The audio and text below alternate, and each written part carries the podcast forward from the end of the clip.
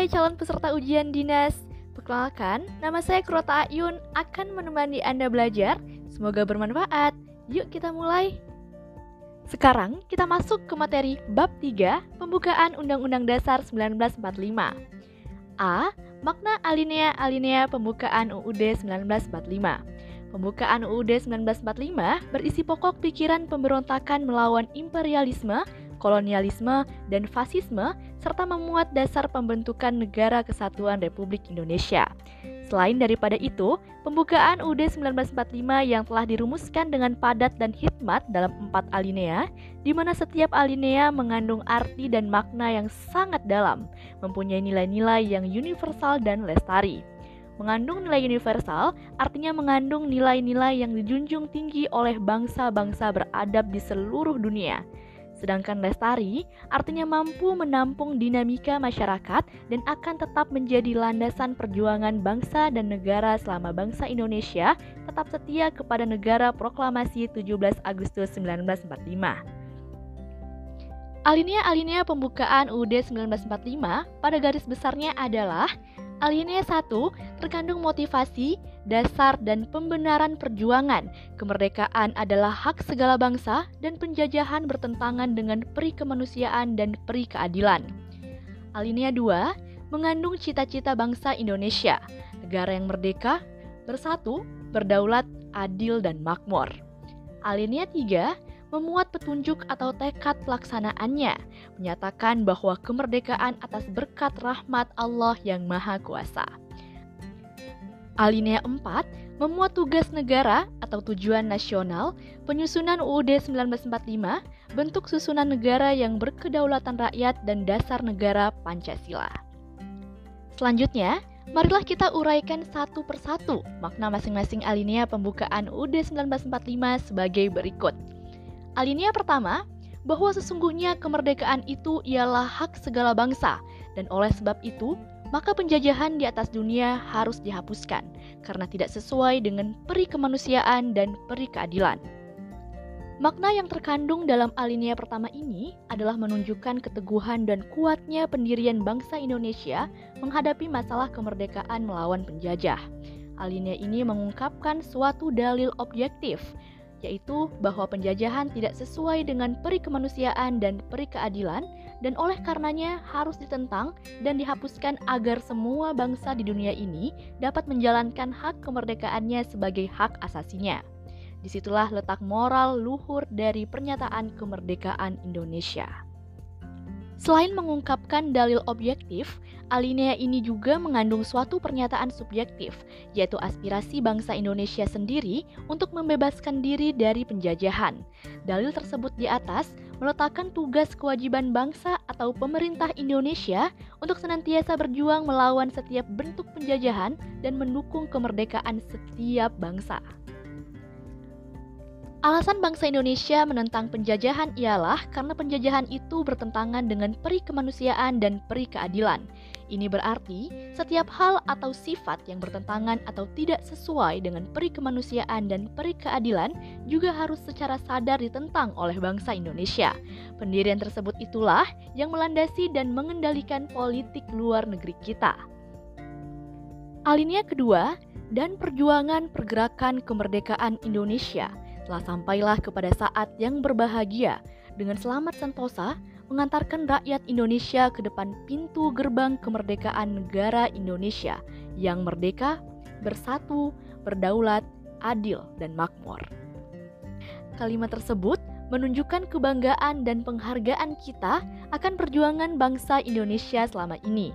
Hal ini juga berarti adanya kesadaran keadaan sekarang yang tidak dapat dipisahkan dari keadaan kemarin, dan langkah yang kita ambil sekarang akan menentukan keadaan yang akan datang. Dalam alinea ini, jelas apa yang dikendaki atau diharapkan oleh para pengantar kemerdekaan ialah negara Indonesia yang merdeka, bersatu, berdaulat, adil, dan makmur. Nilai-nilai itulah yang selalu menjiwai segenap bangsa Indonesia dan terus berusaha untuk mewujudkannya. Alinea ini mewujudkan adanya ketetapan dan ketajaman penilaian. Satu, bahwa perjuangan pergerakan kemerdekaan Indonesia telah sampai pada tingkat yang menentukan. Dua, bahwa momentum yang telah dicapai tersebut harus dimanfaatkan untuk menyatakan kemerdekaan. Tiga, bahwa kemerdekaan tersebut bukan merupakan tujuan akhir, tetapi masih harus diisi dengan mewujudkan negara yang merdeka, bersatu, berdaulat, adil, dan makmur. Alinea ketiga, atas berkat rahmat Allah yang Maha Kuasa, dan dengan didorongkan oleh keinginan yang luhur supaya berkehidupan kebangsaan yang bebas, maka rakyat Indonesia menyatakan dengan ini kemerdekaannya. Kalimat tersebut bukan saja menegaskan apa yang menjadi motivasi nyata dan material bangsa Indonesia untuk menyatakan kemerdekaannya, tetapi juga menjadi keyakinan motivasi spiritualnya bahwa maksud dan tindakan menyatakan kemerdekaan itu diberkati oleh Allah yang Maha Kuasa. Hal tersebut berarti bahwa bangsa Indonesia mendambakan kehidupan yang berkesinambungan material dan spiritual, serta kesinambungan kehidupan di dunia dan di akhirat. Alinea ini memuat motivasi spiritual yang luhur dan mengilhami proklamasi kemerdekaan sejak dari Piagam Jakarta, serta menunjukkan pula ketakwaan bangsa Indonesia kepada Tuhan Yang Maha Esa. Berkat ridhonya lah, bangsa Indonesia berhasil dalam perjuangan mencapai kemerdekaannya dan mendirikan negara yang berwawasan kebangsaan.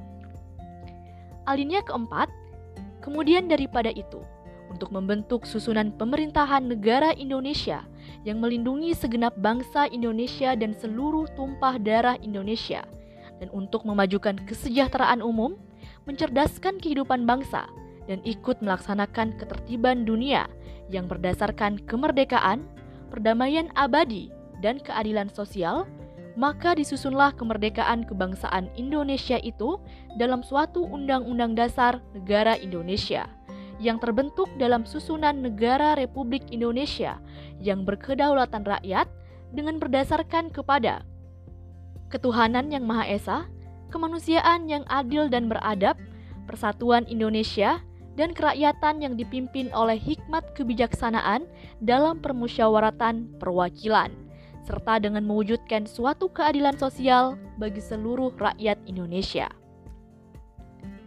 Alinea ini merumuskan dengan padat sekali tujuan dan prinsip-prinsip dasar untuk mencapai tujuan bangsa Indonesia setelah menyatakan dirinya merdeka.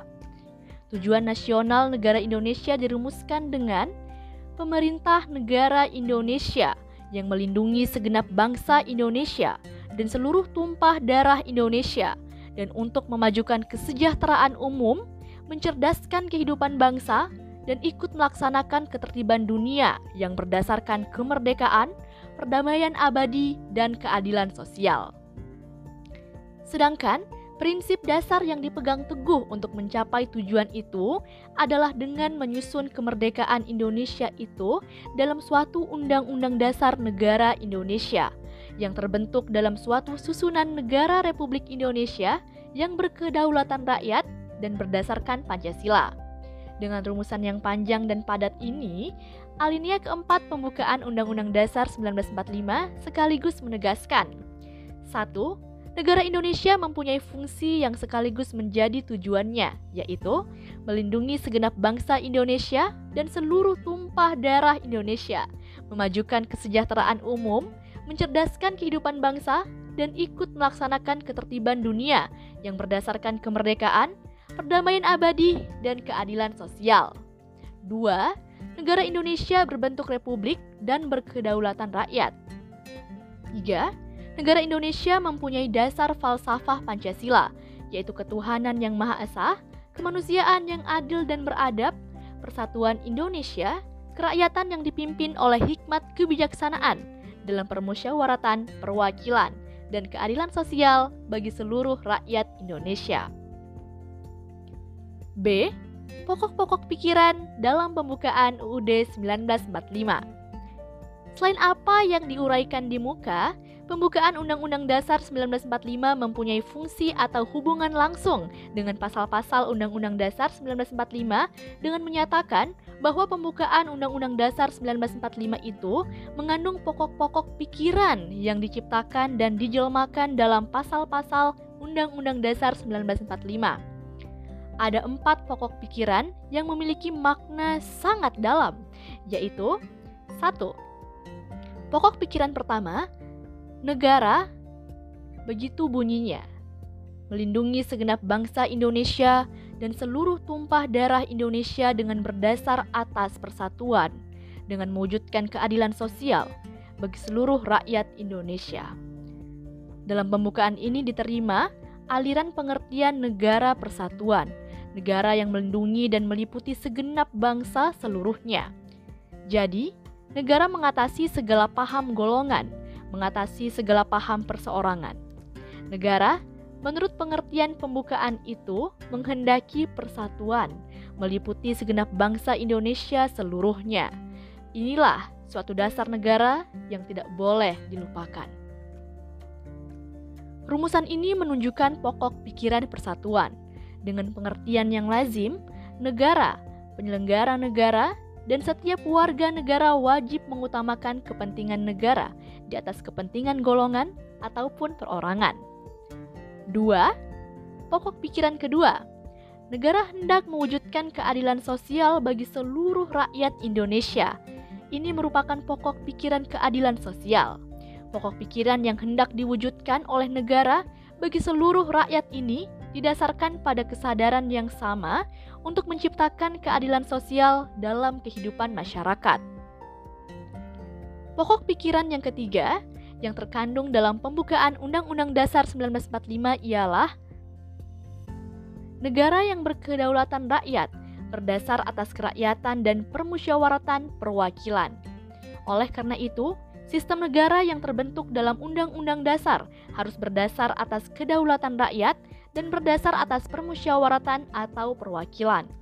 Memang, aliran ini sesuai dengan sifat masyarakat Indonesia. Ini adalah pokok pikiran kedaulatan rakyat yang menyatakan bahwa kedaulatan adalah di tangan rakyat dan dilakukan sepenuhnya oleh Majelis Permusyawaratan Rakyat. 4. Pokok pikiran yang keempat yang terkandung dalam pembukaan Undang-Undang Dasar 1945 adalah negara berdasarkan ketuhanan yang Maha Esa, menurut dasar kemanusiaan yang adil dan beradab.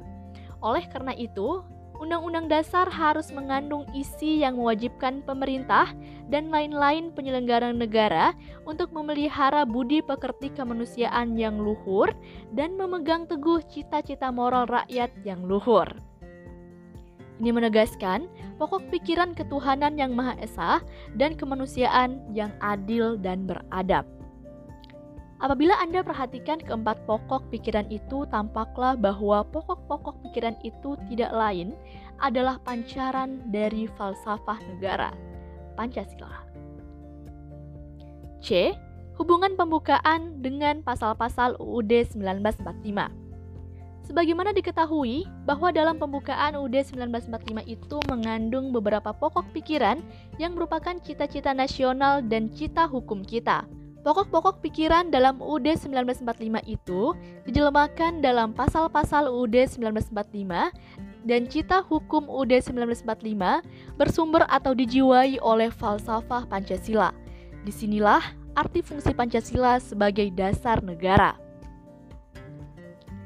Sebagaimana diuraikan di muka, pembukaan Undang-Undang Dasar 1945 mempunyai fungsi atau hubungan langsung dengan pasal-pasal Undang-Undang Dasar 1945 karena pembukaan Undang-Undang Dasar 1945 mengandung pokok-pokok pikiran yang dijelmakan lebih lanjut dalam pasal-pasal Undang-Undang Dasar 1945 dengan tetap menyadari akan keagungan nilai-nilai yang terkandung dalam Pancasila dan dengan tetap memperhatikan hubungan antara pembukaan dengan pasal-pasal Undang-Undang Dasar 1945, dapatlah disimpulkan bahwa pembukaan Undang-Undang Dasar 1945 yang memuat dasar falsafah negara Pancasila dengan pasal-pasal Undang-Undang Dasar 1945 merupakan satu kesatuan yang tak dapat dipisahkan. Bahkan, merupakan rangkaian kesatuan nilai dan norma yang terpadu. Pasal-pasal Undang-Undang Dasar 1945 merupakan perwujudan dari pokok-pokok pikiran yang terkandung dalam pembukaan Undang-Undang Dasar 1945, yang tidak lain adalah pokok-pokok pikiran persatuan Indonesia, keadilan sosial, kedaulatan rakyat berdasar atas kerakyatan dan permusyawaratan atau perwakilan, dan ketuhanan yang Maha Esa menurut dasar kemanusiaan yang adil dan beradab. Pokok-pokok pikiran tersebut tidak lain adalah pancaran dari Pancasila. Kesatuan serta semangat yang demikian itulah yang harus diketahui, dipahami, dan dihayati oleh setiap insan Indonesia. Nah, demikian sesi belajar dengan saya Kurota Ayun. Jangan lupa untuk memberikan penilaian di akhir sesi mata pelajaran ini. Selanjutnya akan diteruskan oleh teman saya. Semoga sukses!